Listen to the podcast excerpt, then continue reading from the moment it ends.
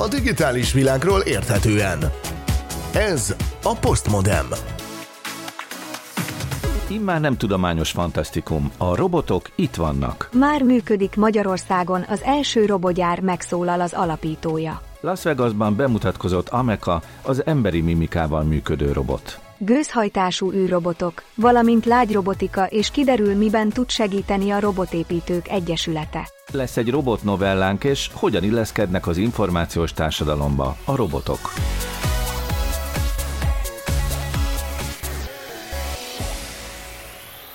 Kellemes rádiózást kívánok a Pátria Rádióban. A szerkesztőt Szilágy Árpádot hallják.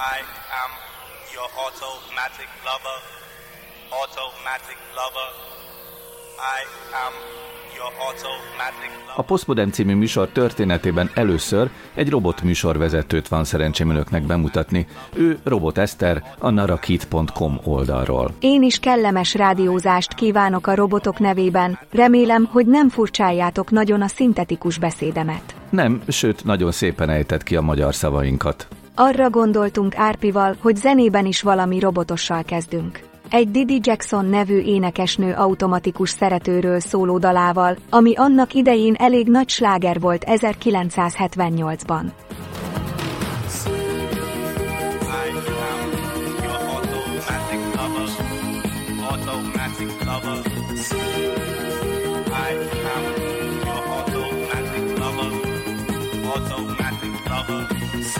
Kedves robot műsorvezető kolléganő, arra kérlek, hogy mutasd be a mai asztaltársaságot, jó? Persze, itt van az Asztaltársaságban Keleti Artúr, kiberbiztonsági szakértő, az Informatikai Biztonság Napja alapítója. Szia Artúr!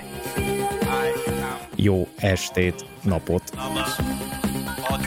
Aztán az emberek csapatában van Pál Bernadett, Mars kutató, a Konkoli Csillagászati Intézet munkatársa. Szia Berni! Szervusztok! Furcsa robot testvéreimről fog majd beszélni Justin Viktor tudományos újságíró, az Agroinform munkatársa. Szia Viktor! Szia Roborsi, és sziasztok kedves hallgató! Kovács Tücsi Mihály régóta foglalkozik velünk robotokkal, hiszen tudományos fantasztikus író, és a Galaktika magazin tudományos rovatvezetője. Szia Tücsi! Sziasztok! És végül, de most sem utolsó sorban, itt van dr. Pintér Róbert információs társadalomkutató, a Corvinus Egyetem adjunktusa is. Szia Robesz! Most csak mikrobesz, és sziasztok.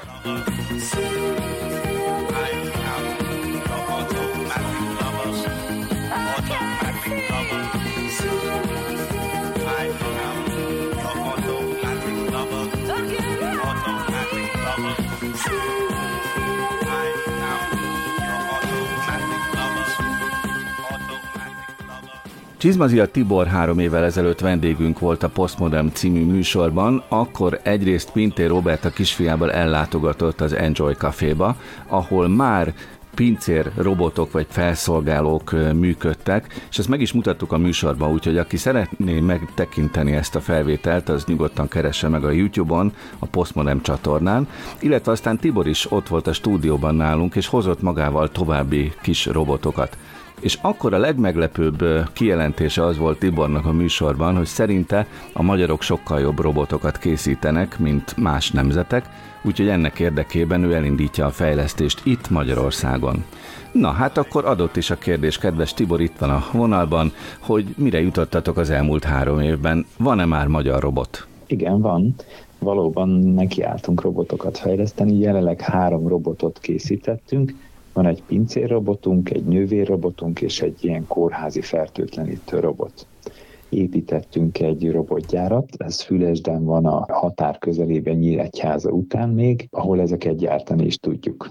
Ennek a magyar robotnak mi a nagy előnye? Azon túl nyilván, hogy mi büszkék lehetünk rá, hogy magyar robot. Nagyon fontos az, hogy Magyarországnak is legyen saját robotfejlesztése. Eleve már nem ugyanaz a szemlélet, ahogy, ahogy itt Európában tekintünk a robotokra, mint Ázsiában. Ugye ezek az ázsiai robotok jellemzően a valóban ilyen munkagépnek tekintik a robotot, mi sokkal inkább szoftvernek tekintjük. Ami azt jelenti, hogy egy olyan terméket szeretnénk készíteni, ami szociálisan is beilleszkedik az adott munkahelyekre. Tehát a szoftver annyiban fontos ebben, hogy folyamatosan tud fejlődni. Ugye, hogyha legyártunk egy mechanikus szerkezetet, akkor az mindig ugyanolyan marad, önmagában nem tud fejlődni. Ugye ezek az elektromos autók, ez a Tesla is távolról tudja frissíteni magát, és egyre többet tud. Ugyanezt fogja tudni a robotunk is. Tehát fejlődő képessé teszitek a robotokat, nyilván mesterséges intelligencia fejlesztést is jelent akkor a gyárban nem is annyira fontos, ami, ami történik, inkább programozóknak a munkája a magyar robot? A gyár azért nagyon fontos, mert ez egy olyan gyár, amiben nem túl nagy sorozatban, de bármit képesek vagyunk előállítani. Tehát az azt jelenti, hogy amikor van egy újabb elképzelés, akkor ehhez nem kell igénybe vennünk külső, meg ázsiai gyártókat, hanem mi magunk az ötlettől a teljes kivitelezésig, sőt a gyártásig el tudunk jutni egyetlen egy gyárban egy kínai gyárban tízezer számra készülnek egy hónapban a robotok. Nálunk nem ez a cél, hanem az a cél, hogy mondjuk, hogyha egy hotel úgy gondolja, hogy valami egyedi robotot szeretne a saját hotelláncába, akkor mi azt a konkrét robotot elő tudjuk állítani. Személyre szabott egyedi robotokat is képesek vagyunk előállítani. Ezek emberformájú robotok, vagy kisméretűek, nagyméretűek, miben erős az, az Enjoy Robotics? Hát most az az első két robot, amit ilyen célra elkészítettünk, ugye a harmadik az egy fertőtlenítő robot, az nem ebbe a körbe tartozik, hogy szociális robot. Ezek humanoid jellegűek. Tehát az egyik hasonlít egy ilyen Star Wars figurára, a másik egy ilyen kedves kis hóemberre, tehát ö, emberszerűbbek, de nem emberhez hasonlítóak. De emellett persze készítünk olyan robotot is, ami tálcás robot, és az a feladata egyedül, hogy A-ból B-re elvigye az ételeket, vagy a, a szennyes edényeket. És mit lehet tudni a fertőtlenítő robotról? Nyilván a pandémia hozta elő ezt az igényt, hogy készüljön egy, egy ilyen is.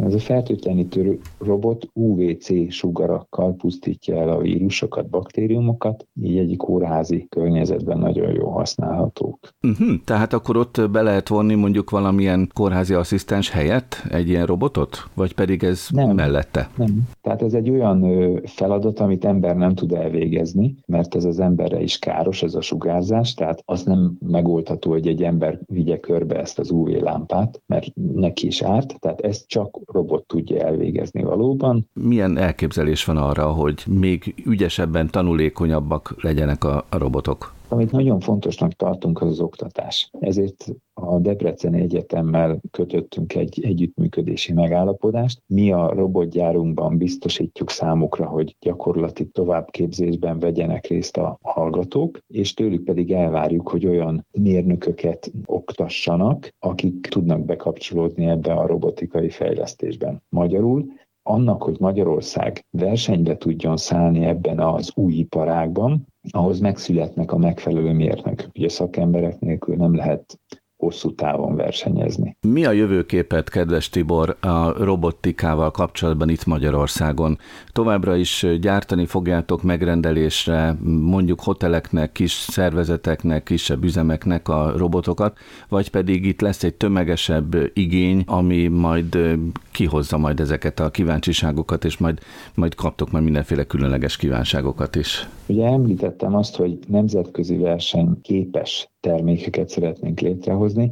Ugye Magyarországon kis cégek, kis piac van csak összefogással tudunk versenybe szállni az óriási globális cégekkel. Ezért nem az az elképzelésünk, hogy mi kitaláljuk, hogy milyen robotra van szükségünk, hanem szeretnénk a különböző szakmai szervezetekkel együtt elindítani egy-egy kutatást egy-egy területen, és ami a kutatás eredménye, annak megfelelő robotokat hozunk létre, és így tudunk valóban olyan robotokat előállítani, amire szüksége van a magyar piacnak. Három fő területünk már megvan, tehát ugye a, a vendéglátás, az egészségügy és az idős gondozás. Ez az a három terület, amiben a legnagyobb a munkaerő hiány, tehát föl sem merül az a kérdés, hogy a robotok elveszik az emberek munkáját, hanem a hatékonyság, az emberek hatékonyság növelésével segítik megoldani a munkaerő hiányt. A digitális világról érthetően. Ez a Postmodem. Characteristic. I do not have an imagination. However, my human companions do, and I believe that's how they created me. Hangban most a Las Vegas-i kiállításon érezhetjük magunkat egy kicsit, mert ott mutatták be idén januárban az Amika nevű robotot, aminek nem is a hangja a leginkább érdekes, hanem az, hogy igazi emberi arcmimikája van. Keleti Artúr kicsit közelebbről is követte ezt a bemutatót. Mit láttál Amika arcán, kedves Artúr? Hát az az igazság, hogy olyan dolgokat láttam, amit, amit már régóta vártunk, mondjuk úgy, hogy, hogy a robotokkal való interakcióban, vagyis hát valódinak tűnő, nagyon életszerű emberi érzelmeket, vagy legalábbis mindenféle arc mimikai elemeket, amelyek hát megtévesztően emberszerűek voltak. A dolgot nyilvánvalóan csak az befolyásolta, hogy maga a robot, amik az egy ilyen szürkés, halvány színű, halvány szürkés színű valaki, tehát nem ember szín a bőr színe gyakorlatilag. Nekem ez egyébként kifejezetten tetszett, hogy szürke színű és nem annyira emberi, mert ettől megkülönböztette magát tőlünk és ráadásul a fején is ugye van egy ilyen lila színű fény, ami ugye a haját jelképezte, és az sem természetes. Az az érdekesebben, hogy a, az a cég, az Engineered Arts, aki, aki őt bemutatta, ő idáig pont emberszerűbb robotokat készített. Például a Mesmer nevű robotot, amit pár, év, amit pár évvel ezelőtt mutattak be, és ezek mind inkább arra törekedtek, hogy minél emberszerűbb legyen az adott robot, mind bőrszínben, mind mindenféle dolgban, hajban, egyebekben, és egyszer csak úgy döntöttek, hogy ez lehet probléma. Ugye erről már beszélgettünk itt a műsorban is, hogyha valami túlságosan emberszerű, akkor az emberek elkezdenek félni tőle. Tehát muszáj, muszáj valahogy különbséget tenni, azt a különbséget, amit az előbb te kiemeltél, a robot és az ember között. Viszont úgy tűnik, hogy ezt egészen jól eltalálták, noha persze itt is van azért egy-két olyan mimikai elem, amitől az ember egy kicsit úgy megijed, mert nem tudja eldönteni, hogy most mosolyogni szerettél volna, vagy vicsorogsz rám, vagy valami hasonló, tehát nyilván itt is ezek szerepelnek. Ami az izgalmas ebben, hogy azért, ha végigkövetjük ennek a dolognak a történetét, itt ugye egészen a 60-as évekig visszanyúlhatnánk, amikor elindult ez az animatronics-szerű fejlesztés, vagy legalábbis amit így hívnak még a mai napig is a, a robotikában, ami tulajdonképpen az emberhez vagy élőlényekhez leginkább hasonlító, és a, azok mozdulatait leginkább lekövető robotoknak a fejlesztése, ami szépen haladt előre, ahogy mentünk, főleg a filmek és az ilyen szórakoztató parkok, a lendek és mindenféle egyebek igényelték ezeket a fajta robotokat, és ez eljutott egészen a 80-as évekig évekig arra a szintre, hogy már ezekben a, a szórakoztató helyszíneken, parkokban már emberszerű mozgású robotok jelentek meg, és utána fejlődött ez tovább egészen a 2020, 2010 valamennyi 2020 környékéig, ugye a Covid előtti időszakig, amiben hatalmas energiákat fektettek ezek a, ezek a cégek, párhuzamosan azzal, hogy megpróbáltak olyan robotokat is előállítani, ami sikeres is volt, amelyek mondjuk kaszkadőröknek a mozdulatait utánozzák le, például például nagyon magasra tudnak ugrani, ott mindenféle mozdulatokat csinálnak, a súlypontjukat úgy helyezik át, ahogy egy ember, tehát távolról úgy tűnik, hogy ez egy ember, és ezekben a szórakoztató parkokba egyébként, amennyiben a Covid ezt majd engedi, szépen be is fogják majd ezeket mutatni. Például egy Spider-Man robotot is lehet majd látni, aki nagyon jól leutánozza ezeket a mozdulatokat. Hogy ennek mi köze van Amerikához, az a köze, hogy e- ezek a törekvések, amik a filmekhez, illetve a, a különböző szórakoztató intézményekhez fejlesztették a, a robotokat, ott az volt a cél, hogy minél emberszerűbb, minél életszerűbb mozgásokat tudjanak a robotok lekövetni, és tulajdonképpen Amerika is ezt követi. Például csak mondjak nektek ilyen példákat, amitől mi emberszerűbbnek tartunk egy ilyen robotot. Nem tudom, hogy tudjátok-e, hogy vannak úgynevezett szakádok, ami azt jelenti, hogy az ember, amikor a, a szemével néz valahova, akkor nagyon apró mozdulatokat tesz, ahova a szeme éppen fókuszál. Tehát nem, nem feltétlen egy dologra bámulunk állandóan, hanem egy kicsit mozog a szemünk, kicsit elfókuszálunk mellé, visszajövünk, hasonló. Ezeket, e, ezeket az emberek kiszúrják, nyilván mert van rá több millió évnyi hardware rásegítésünk, tehát észrevesszük, hogyha valami nem emberszerű. Ezeket a robotok, ezek, ezek az animatronicsok eddig nem tudták annyira jól végrehajtani. Hát olyan darabos, olyan robotos volt eddig, ugye? Robotos, darabos volt, de mondok más példát, is, amit például Ameka tökéletesen végrehajt már, ahogy ezt a szakádot is nagyon jól szimulálja. Az ember maga azért fordítja el a fejét, mert val- általában, mert valahova nézni akar, kivéve bizonyos helyzeteket, de általában nézni akarunk, tehát a szemünk egy picit előbb mozdul oda, mint ahova egyébként a fejünk mozdul oda. Most a robotok ezt teljesen máshogy csinálják. Nyilvánvalóan nekik az a programjuk, hogy ott fordítsd oda a fejed, és a szeme is úgy nagyjából együtt megy vele. Viszont Ameka ezt is jobban csinálja, nagyon jól tudja követni például az emberi kéznek a mozdulatait, és nem csak a robot fej és a robot arcában található ilyen állizmok, ugye, ilyen elektromotorok működnek, hanem a testnek a különböző mozdulatait is nagyon jól tudja szimulálni. Például meg tudja vonni a vállát, meg tudja érinteni a fejét a, a másik kezével, tehát át tud nyúlni a, a feje előtt, vagy össze tudja érinteni a két ujját nagyon precízen, és mindezt nagyon finoman teszi meg.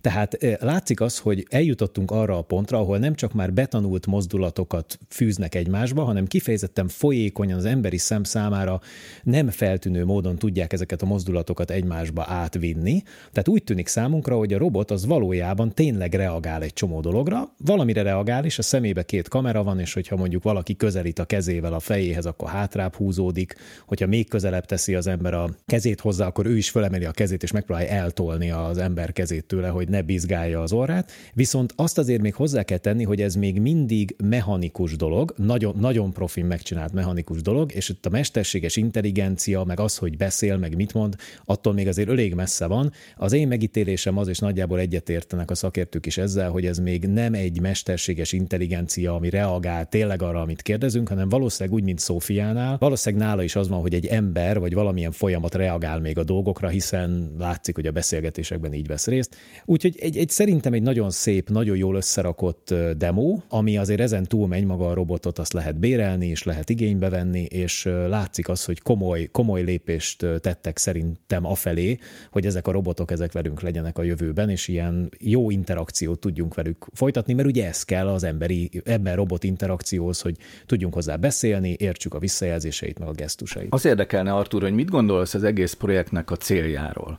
Tehát, hogy ugye azt most már kibeszéltük az elején, hogy a szürke arca, meg a kék színű haja az nem emberi, viszont a gesztusai, a mimikája, a mozdulatai, a szemmozgása az meg leginkább, vagy igyekszik nagyon pontosan emberivé válni. Tehát itt bizonyos dolgok fontosak, hogy hasonlítsanak, más dolgok meg nem fontosak.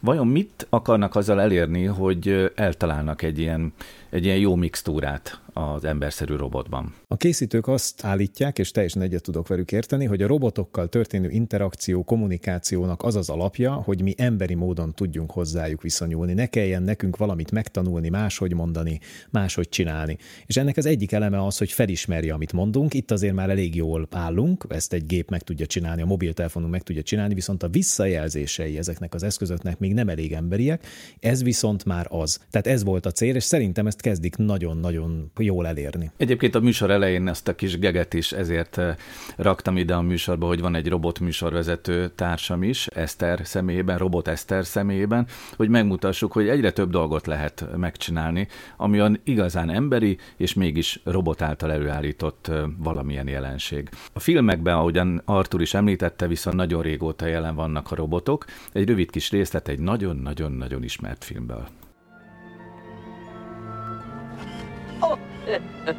Jó napot! Miben lehetek szolgálatukra? A nevem C... Sleepio. Oh, tervezőm! Ó, Anikazdám! Tudtam, hogy egyszer visszatérsz, tudtam! És Padmé kisasszony, na hát! Szervusz, Ripio. Ez csodás! Ugrál a feszültségem az örömtől. Édesanyámat keresem. Ó, ö, azt hiszem, jobb lesz, ha bemegyünk a házba.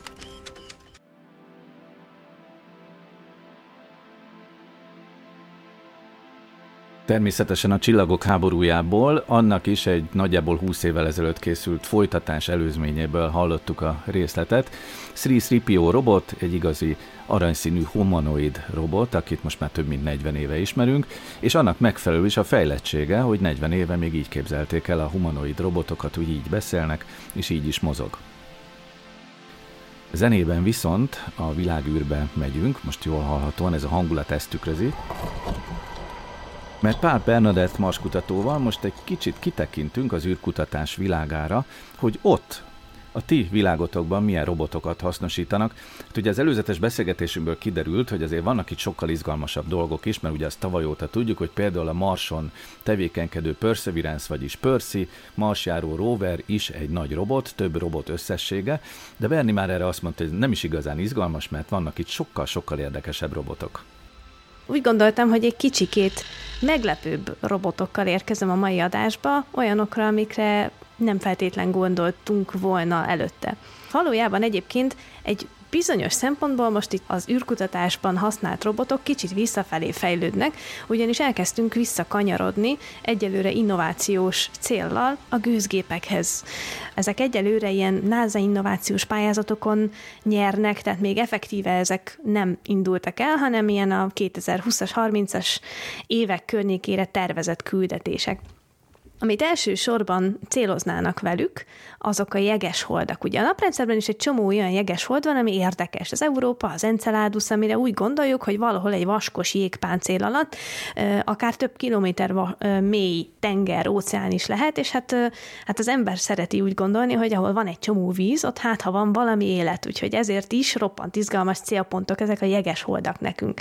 És akkor kipattant valakinek a fejéből az az ötlet, hogy ha úgyis annyi jég van ott, akkor mi lenne, hogyha ezt hasznosítanánk. És olyan kis pattogó robotokat terveznek, például naprendszernek a jeges holdjaira, amikor megérkeznek, leszállnak, összegyűjtik a, a jeget, azt felolvasztják, abból készítenek maguknak gőzt, és az ilyen kis gőz lökésekkel pattognak a jeges holdnak a felszínén. Ugye ez azért is jó, mert így bármilyen göröngyös, sziklás, egyenetlen területre érnek, azt egész egyszerűen át tudják pattogni. Tehát például nem történhet olyan, mint annak idején szegény Spirit marsjáró, hogy elakadt egy kicsit lazább talajban, és onnan nem tudott elmozdulni, aztán egy idő után nem sütötte őt a nap, lemerült, és vége lett a küldetésének. De Berni, van nekem egy nagyon egyszerű kérdésem, és te ugye fizikus végzettségű is vagy, pontosan fogod érteni, hogy azért ahhoz, hogy ott a hold felszínén például egy ilyen fagyott jeget felolvasszunk, majd gőzzé forraljuk, ugye elpárologtassuk, ahhoz elég sok energia kell. Tehát van ott rendelkezésére áll majd egy ilyen picike gépnek annyi energia, hogy így felforralja a vizet? Tök jó a kérdés. A társ szerint nem maga a kis pattogó kis robotocska fogja forralni a vizet, hanem lesz egy ilyen kis közös állomásuk, ami napelemekkel meghajtható például, és akkor ő fogja ott forralni a vizet. Egyrészt ugye, másrészt a... Az lesz a rezsó. Igen. Másrészt persze azt se felejtsük el, hogy a víznek a forráspontja is attól függ, hogy éppen hol vagyunk. Tehát mondjuk már ez itt a Földön is ugye érzékelhető, hogy ha igazán magasra mászunk a hegyekben, akkor már 80-70 fokon forra víz, és akkor egészen más teát tudunk például készíteni, mert ha megfeszülünk, sem lesz 100 fokos vízünk. A másik szintén ilyen gőz meg... És a Holdon ez hol? A Holdon mennyi a forráspontja? Hát, hát, hogyha én erre most hirtelen tudnék válaszolni, akkor válaszolnék, de fogalmam sincs, hogy az Enceladuson hány fokon forra víz. De alacsonyabb a, a várhatóan a, a hőfok? Hát én úgy gondolnám, hogy igen, tekintve, hogy nincsen légköre, tehát a, ugye ez nagyon függ a légnyomástól. És hát nekünk itt a Földön, hála az égnek, tök jó vaskos légkörünk van, amiben tudunk lélegezni, meg, meg létezni kellemesen.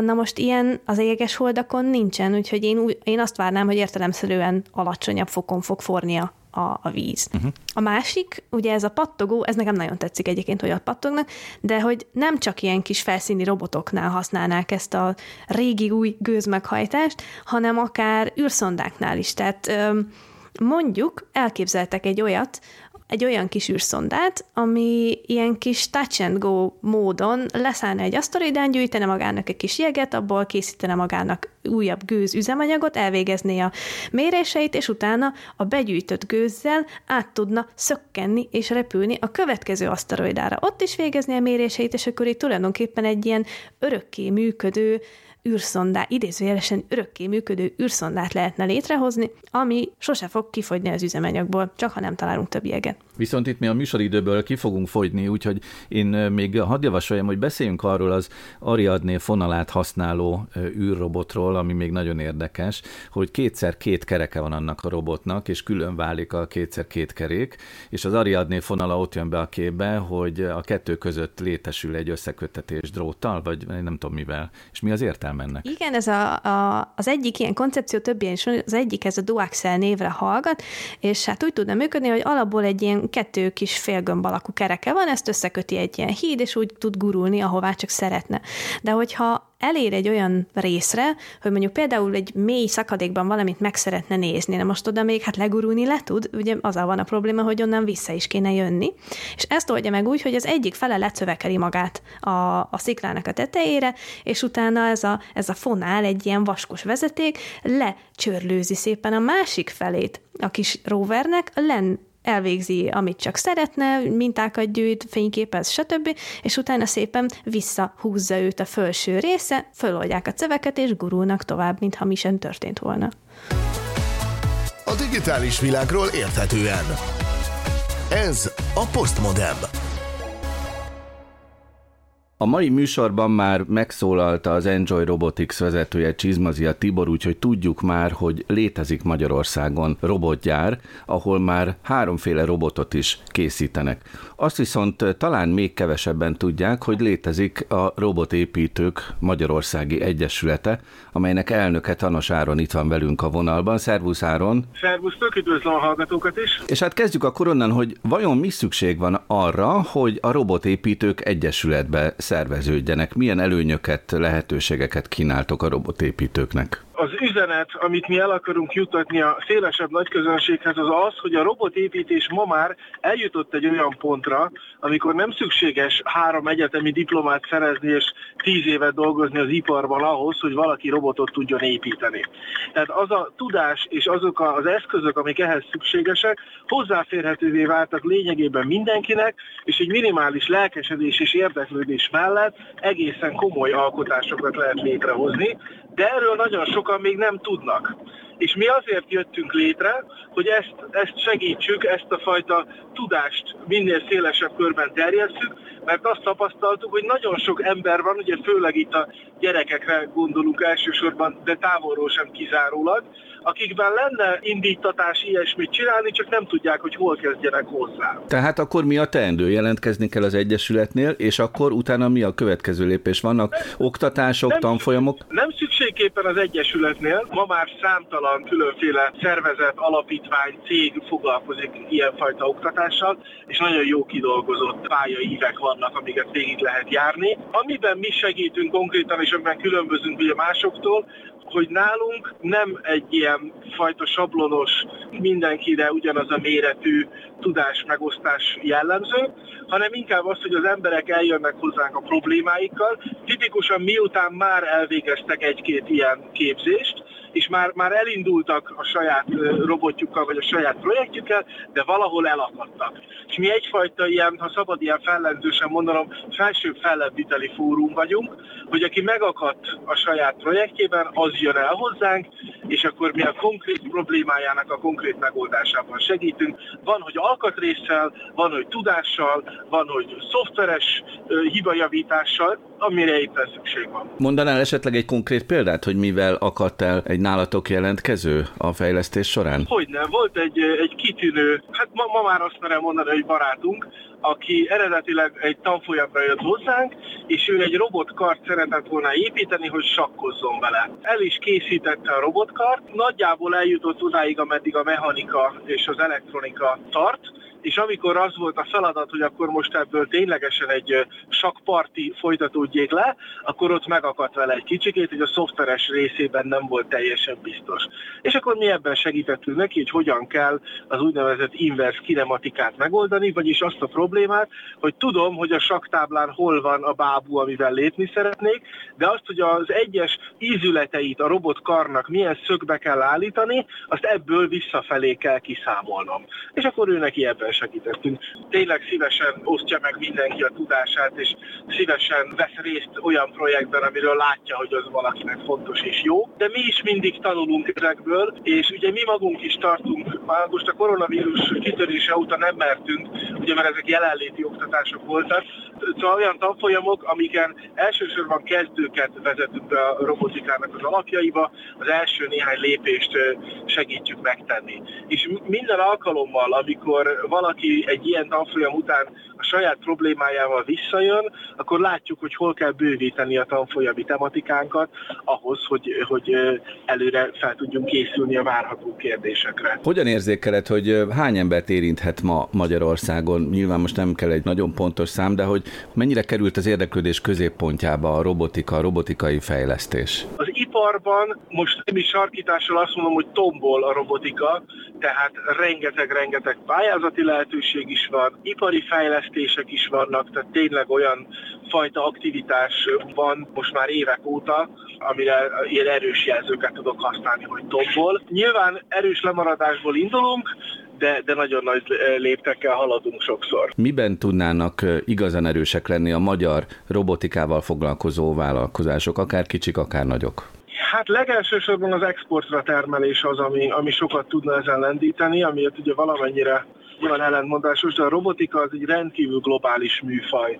Tehát nem nagyon van szinte olyan részterület, ahol ne, nemzetközi együttműködéseken alapulna ma már úgy szóval minden, és ebben én bár kétségkívül jelen vagyunk, most gondolok itt például a Mesterséges Intelligencia Koalícióra, amelynek ugyan szintén csak egy részterülete a robotika, de, de nagyon nívós helyeken jelenik meg a neve, és találkozunk gyakorta ezzel az elnevezéssel. De összességében véve az, hogy a magyar vállalkozások már amikor elkezdik egyáltalán tervezni a termékeiket, illetve a szolgáltatásaikat, nincs még eléggé benne a gondolkodásban az, hogy rögtön a nemzetközi piacra célzunk. Tehát, hogy sajnos a magyar piac az méreteinél fogva viszonylag limitált, és ezért ez nagyon későn derül ki sok vállalkozás számára, hogy ú, hoppá, és most hova terjeszkedünk tovább, és olyankor lenne jó, hogyha már rögtön a nulladik pillanattól kezdve meglennének a nemzetközi terjeszkedés alapjai. Gondolok itt egyszerű dolgokra, tehát hogy például a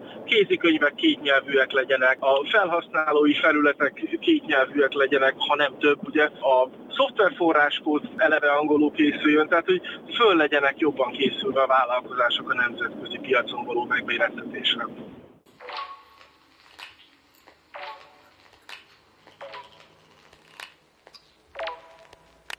Pátria Rádióban itt a Postmodern robotikai különkiadása.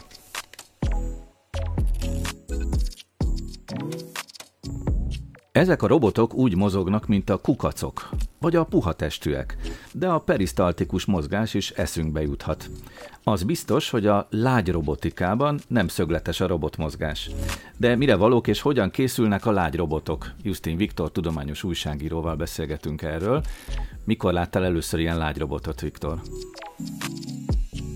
megmondom őszintén, szívesen mondanám, hogy jó, idejét se tudom, de azt hiszem, hogy csak másfél éve, két éve körülbelül.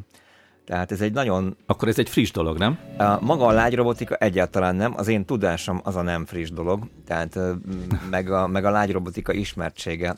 Azt gondolom, hogy ez egy méltatlanul alul, és alul ismert területe a robotikának, meg azt is elég jól példázza, hogy milyen szerte ágazó maga a robotika. Ugye a lágyrobotika, a, mondjuk el a hallgatóknak gyorsan, ez egy speciális alterület, amelyben a biomimikrié a főszerep, vagyis a természetben előforduló különböző állati, vagy akár növényi, vagy mechanikai, vagy a természetben megfigyelt mechanikáknak a lemásolásával és anyagoknak a lemásolásával gyártanak általában valamiféle helyzeti energiát hasznosító robotot. Most ezt nagyon egyszerűen fogalmaz meg, hogy lényegében ilyen habszerű, meg felfújható, meg ilyen lágyanyagokat használnak a robotok felépítéséhez. Igen, gyakorlatilag a bármilyen humanoid emberszerű robotnak a munkavégző kis, a keze, a lába, a, a, azok a testrészei lesznek lágyrobotika szempontjából érdekesek, amikkel hozzányúl az ölt körülvevő világhoz. Ezek rugók, vagy éppen valamiféle helyzeti energiát, feszültséget tároló kis megfeszített laprugót képzelj el, ami egyik stabil állapotából a másikba átbillenthető, és ezáltal képes önállóan haladni.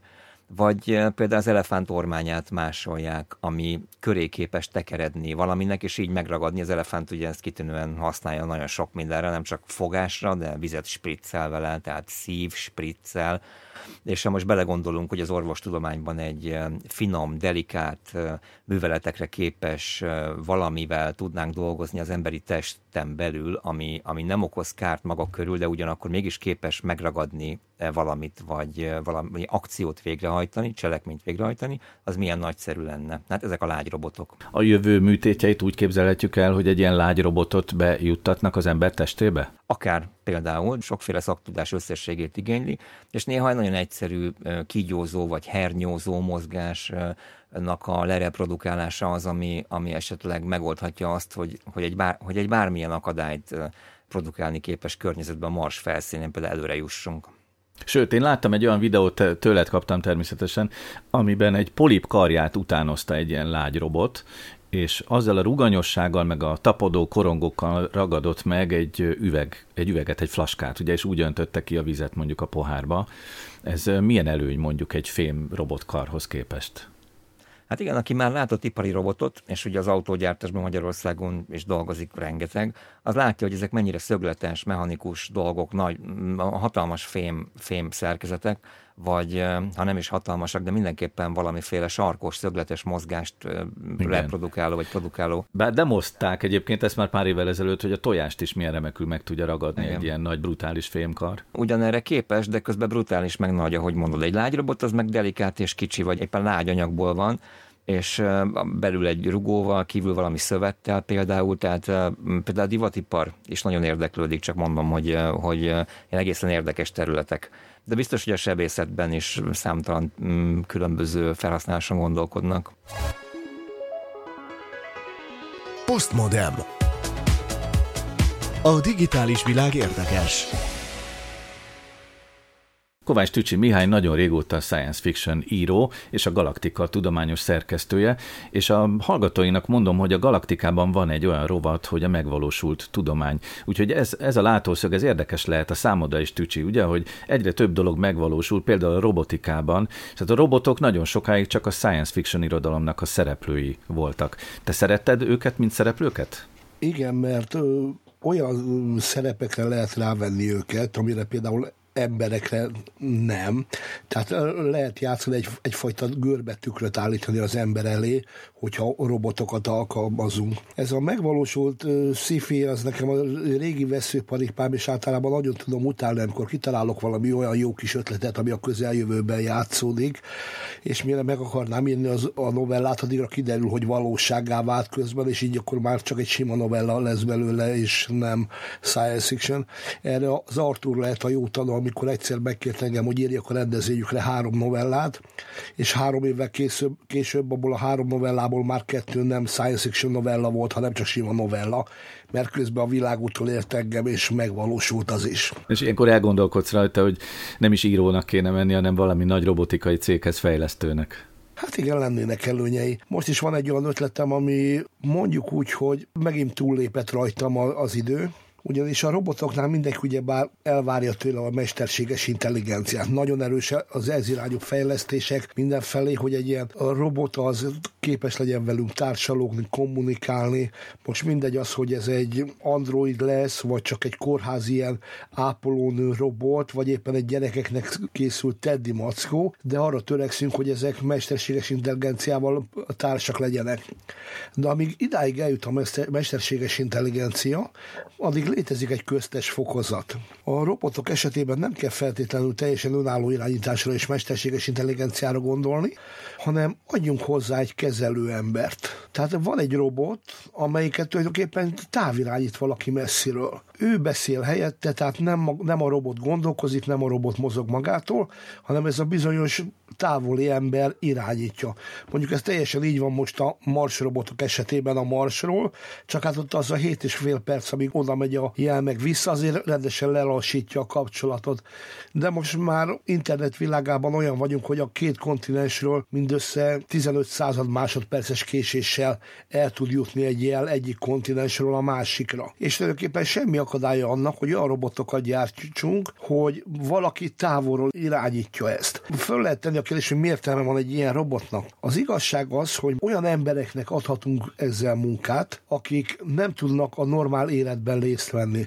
Tehát például fogyatékosoknak, testi fogyatékosoknak, valami olyan betegséggel küzdőknek, akik nem mehetnek emberek közé, megkaphatják ezt a lehetőséget, hogy így távirányítsanak egy robotot, és így gyakorlatilag egy kvázi módon, de részt vehessenek a társasági életben, kiléphessenek a világba. Amit te most mondasz, az egy novelládnak az alap, alaptörténete lehet? Vagy már meg is írtad? Eredetileg az lett volna, amit meg nem láttam nemrégiben egy dokumentumfilmet egy japán kávézóról, ahol robotpincérek szolgáltak fel, illetve az asztalon is voltak ilyen apró Teddy Mackó méretű robotok, akikkel el lehetett beszélgetni. Azonban kiderült, hogy ezek a robotok, akiket itt irányítanak, azokat a valós személyek irányítanak. Például az egyik felszolgáló robotot mint mondtam, ez Tokióban van ez a kávézó, az egyik felszolgáló robotot Sydneyből irányította valaki, a másik asztalon lévő robotot pedig, amelyik válaszolt, az pedig egy tokiói lakásból irányították. Ezzel a sráccal beszélgettek el később, és felmentek hozzá.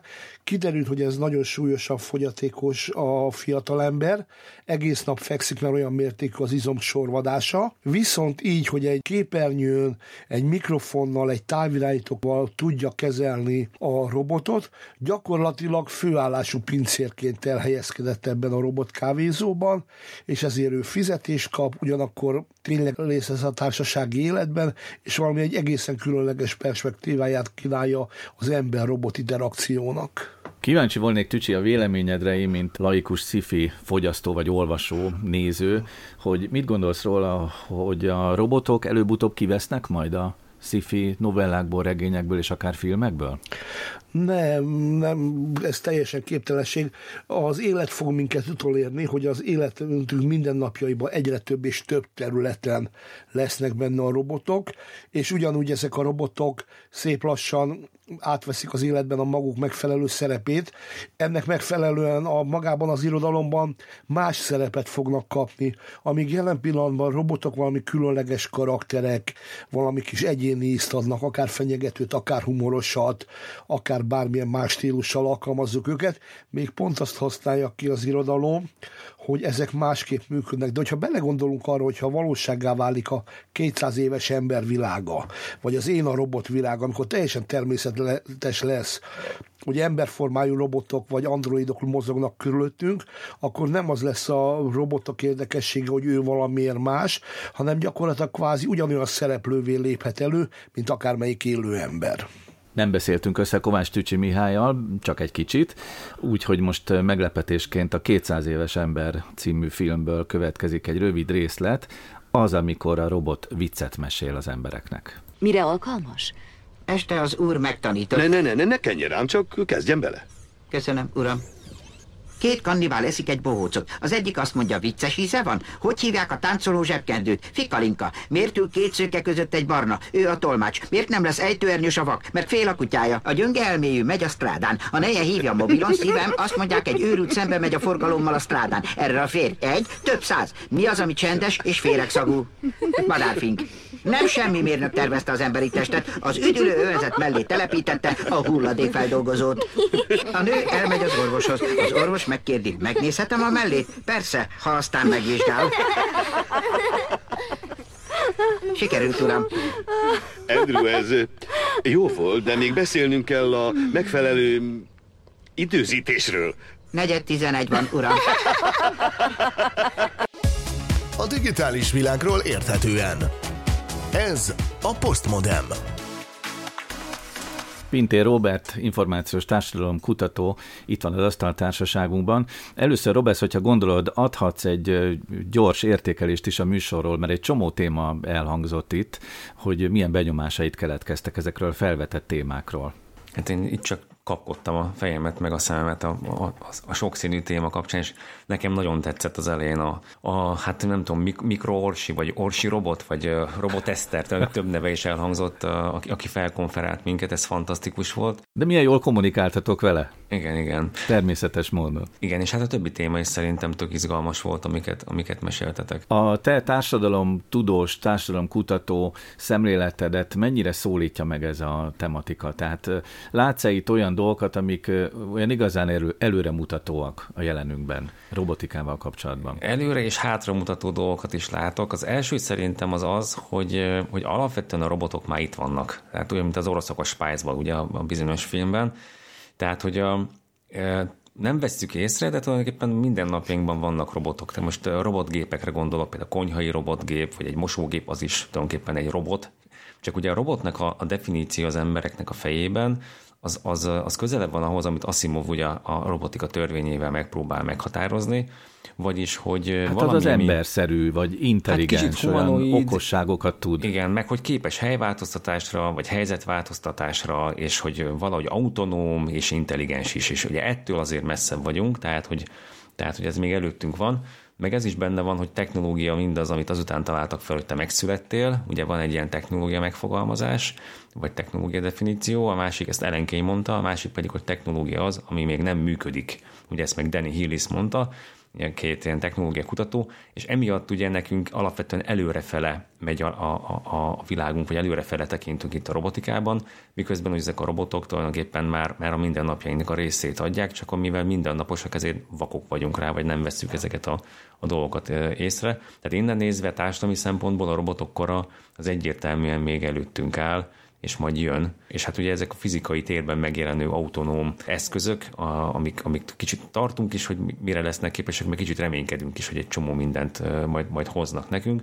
És hát ugye mi benne vannak a fizikai térben, ennyiben mások, mint az algoritmusok vagy a szoftverek, miközben összenő gyakorlatilag egy, egy robotban valahol a mesterséges intelligencia szoftver, az algoritmus azzal, hogy ez, ez egy fizikailag megjelenő eszköz. Artur, amiről az elején beszélt, ugye ez az emberi arcmimikával rendelkező Ameka robot, meg ugye a, a mi társműsorvezető Eszter robotunk is, ahogyan megszólalt, ezek mind-mind azt mutatják, hogy a robotokat próbáljuk az emberi világhoz közelíteni. Neked van-e valami jövőképed arról, hogy hogyan fognak a robotok, ezek az emberszerű robotok betagozódni, betagozódni, vagy illeszkedni az emberi társadalomhoz? Hát szerintem egyrészt vannak humanoid robotok, és kifejezetten ebbe az irányba elmegyünk. Ugye, hogy mondjak egy példát, ugye Japánban már használnak ilyen úgymond társalkodó robotokat időseknél, vagy idősekre felvigyázó robotokat. Ugye erről volt is szó az egyik interjúban, hogy, hogy milyen területeken lesz szükség például az idősek ápolásában. Alapvetően az euróamerikai kultúrkörben, tehát abban a kultúrkörben, ahol mi is tartozunk, ott alapvetően inkább szánalmasnak, vagy, vagy, ilyen, vagy ilyen dehumanizált ténynek tűnik, hogy az időseket robotokra bízzuk, hiszen kell, hogy legyen neki valaki a környezetében, vagy a gyerekei hol vannak, miért nincsenek ott. Ezzel ellentétben például Japánban ez teljesen társadalmilag elfogadott. Ugye Bernivel beszélgettünk előtte, aki japánul tanul és éppen most vizsgázott, hogy, hogy Japánban a sintoizmus miatt, ugye egy eltérő vallási megközelítés miatt a, a robotoknak, a tárgyaknak, azoknak lelke van. És innentől kezdve nem nyomorult az, aki a szülőt vagy a nagyszülőt egy robotra hagyja rá, hiszen annak is lelke van, és azzal lehet társalogni, és, az, és a szülő sem érzi azt, hogy ő el van hanyagolva, hanem elmondhatja azt a 5-6 órás hosszú mondatot, amit szeretne az életéről, és valaki meghallgatja és reagál rá, és megvan hozzá megfelelő mimika. Tehát van egy ilyen humanoid része ennek a történetnek. Szerintem van nem humanoid része is, én a hallgatóimnak azt szoktam tanítani, hogy alapvetően az ember próbál a robotokba valami humanoidot, valami emberi vonást belerakni, de például amikor, amikor Gary Kasparov kikapott az IBM Deep Blue-tól, akkor azt mondta, hogy, hogy nem emberi lépéseket tett vagy amikor Lee Sedol kikapott ugye Go-ban, a, szerintem 2016-ban volt az AlphaGo-tól, akkor is azt mondta, hogy olyan lépéseket tett, amire nem számítottam, nem emberszerű lépéseket, és azt elkezdték elemezni, hogy a játszma elején volt egy olyan, lerakott egy követ valahova, nem értették, hogy az miért, mit keresett, és azt hitték, hogy hibázott. És nem tudom hány lépéssel később azon a kövön fordult meg a játszma. Ez lehet persze, hogy véletlen, tehát hogy, tehát, hogy nem emberi, tehát ezek a robotok, vagy ezek az algoritmusok, vagy ezek a mesterséges intelligenciák, ezek nem emberszerűen is tudnak működni, és szerintem ez az izgalmas, hogy az ember és a gép az valami fajta én Kentaur modellnek szoktam mondani, valamifajta, valamifajta kooperációt valósítson meg, ahol az ember is több lesz attól, amit a gép tud megtenni, és a gép is többet tud elérni azáltal, hogy az embernek a kreativitását, esetleg az érzelmi reakcióit, amire, amiben egy gép még nem jó, mert azt gondolom, hogy egy gép idővel mindenre alkalmas lesz, ezt a kettőt kombináljuk össze egymással. Itt a műsor vége felé egy kicsit kinyitnám az asztaltárság számára is a beszélgetés lehetőségét, hogy ti mit gondoltok ezekről a felvetett irányokról, most egyelőre csak ilyen nagyon nyitott kérdésben, hogy hol, hova fognak be, betársulni a társadalmunkban a robotok, mit gondoltok erről? Leginkább egyébként kérdést fogalmaznék meg felétek. Ez egy az ötlet egy 2013-as filmből van, meg hát biztos már jóval előtte is létezett, ez a Her című film, amiben Jacqueline Phoenix beleszeret az operációs rendszerébe. És az operációs rendszer egy, egy nagyon kellemes hangú nő, aki ugye bennül a fülében intézi az e-mailjeit, emlékezteti, a, a, hogy vegye be a gyógyszereit, hogy menjen el megbeszélésekre, és, és, és hát én is tapasztalom, elvileg a nők erre amúgy is hajlamosabbak, hogy hát én megszeretem a tárgyaimat is, amiket használok, hogy szeretem a telefonomat, megsiratom a billentyűzetemet, vagy a videókártyámat, hogyha meghibásodik, és hogy ti mit gondoltok arról, hogyha egyre humanoidabbak, egyre jobb robotok lesznek, mi lesz akkor, amikor tényleg az emberek elkezdenek beleszeretni a gépekbe? Ez egy szerintem egy nagyon érdekes probléma. Egyébként Berni felvetése nekem a My Fair Lady-nek a történetét idézte föl, Szóval a történet maga is már létezik régi ősidők óta, sőt már a görögöknél is létezett ez, hogy beleszeret a, az oktatásának a tárgyába ugye a, a, a mester. Artur? Hát egyrésztről szeretném leszögezni, hogy a ma létező operációs rendszerek közül egyikbe sem tudnék beleszeretni. Ezt csak itt szerettem volna itt, itt rögzíteni, pláne mint biztonsági szakember. De komoly... Pedig a Windows iránt nagyon gyengéd érzelmeket táplálsz. Mindenféle operációs rendszer iránt, de valóban vannak kipécézett szerelmeim. Ami, ami a... Kipécézett. Pontosan, ami, ami az, eredeti, az eredeti kérdést illeti, szerintem ez egy nagyon életszerű dolog. Például a, a, az idős emberek számára, vagy azok számára, akik, akik valamilyen okból nem tudnak másokkal kapcsolatot létesíteni, ez egy rendkívül jó elem, és egyáltalán nem baj, hogyha ezek az eszközök, ezek a robotok, ezek közelebb húzzák magukhoz a, az embereket, sőt, tovább megyek. Szerintem arra is sok lehetőség van, és ezt már régóta ízlelgetem ezt a, ezt a problémát, hogy mondjuk egy robotpszichológus, akiben nem feltétlenül lesz szerelmes az ember, viszont az összes titkát meg tudja vele osztani, és nagyon bensőséges kapcsolatba tud belekerülni, hiszen biztos, hogy nem árulja el, egy ilyen, egy ilyen robottal például nagyon hamar lehet, hogy egy csomó emberi problémát meg tudnánk vitatni. Tehát szerintem az, hogy az emberek bensőséges kapcsolatba kerüljenek a mondjuk robotokkal, vagy mesterséges intelligenciával, az elkerülhetetlen, és ebbe a szerelem is beletartozik. Eddig arról beszélgettünk, hogy, a, hogy az emberek hogyan kerülnek közelebb a, a gépekhez, meg a, meg a robotokhoz, meg beleszeret, meg, meg szexuálisan kizsákmányolja, meg egyebek de valójában egyébként afele megy az evolúció, hogy egy poszthumanizmusnak az elmélete, vagy a, vagy a filozófiája, hogy az emberekből legyenek gépek, és a gépekből legyenek emberek. Tehát ez egy, ez egy koevolúciós szerintem folyamat, én inkább poszthumanistának vallom magam, vagyis hogy az embereknek lesz lehetősége arra valószínűleg a mi korosztályunknak, hogy egy ember 2.0-ba át tudjuk magunkat valamilyen szinten menteni, és akkor elérhető nem csak a digitális, hanem a valódi halhatatlanság. Tehát, tehát az emberek is tudnak gépekké válni, hogy az Ian Pearson jövőkutató sokkolt azzal, hogy hogy testprotézisek lesznek 20-30 év múlva, amik sokkal hatékonyabbak lesznek, mint a saját szerveink, tehát mondjuk a kezed helyett egy olyan szerkezet, egy csomó mindent meg tud csinálni, szuper erős, kibírja, nem tudom én, a 100 fokon forró vizet, meg tudsz vele fogni dolgokat, kémiailag meg tudja elemezni mondjuk, hogy mi van abban a folyadékban, tehát, hogy egy, tehát egy sokkal jobb lesz, mint egy kéz, sokkal jobb lesz, mint egy láb, tehát ezek a, ezek a protézisek megjelennek, és aztán ugye ettől nem, nincsen, nincsen már messze, hogy az ember egy csomó mindent lecseréljen magában, és akkor már az a kérdés, hogy, hogy tudsz-e szeretni egy olyan embert, aki nem húsvér biológiailag száz százalékban tiszta, én tiszta humán vagyok, én nem megyek ebbe az irányba, ez is megjelenik majd, ahogy most is megjelenik, tehát akik, akik ezt tagadni fogják, nagyon izgalmas idők elé nézünk, az biztos, hogy nem fogunk unatkozni a nyugdíj alatt. Köszönöm szépen a részvételt a mai műsorban Pál Bernadett maskutatónak, Pintér Robert információs társadalomkutatónak, Justin Viktor tudományos újságírónak, Keleti Artúr kiberbiztonsági szakértőnek és Kovács Tücsi Mihály science fiction írónak, újságírónak, bloggernek. Jelentkezünk jövő héten pénteken itt a Pátria Rádióban újra, addig is viszontlátásra a YouTube-on és viszont hallásra a Pátria Rádióban. Postmodem. A digitális világ érdekes.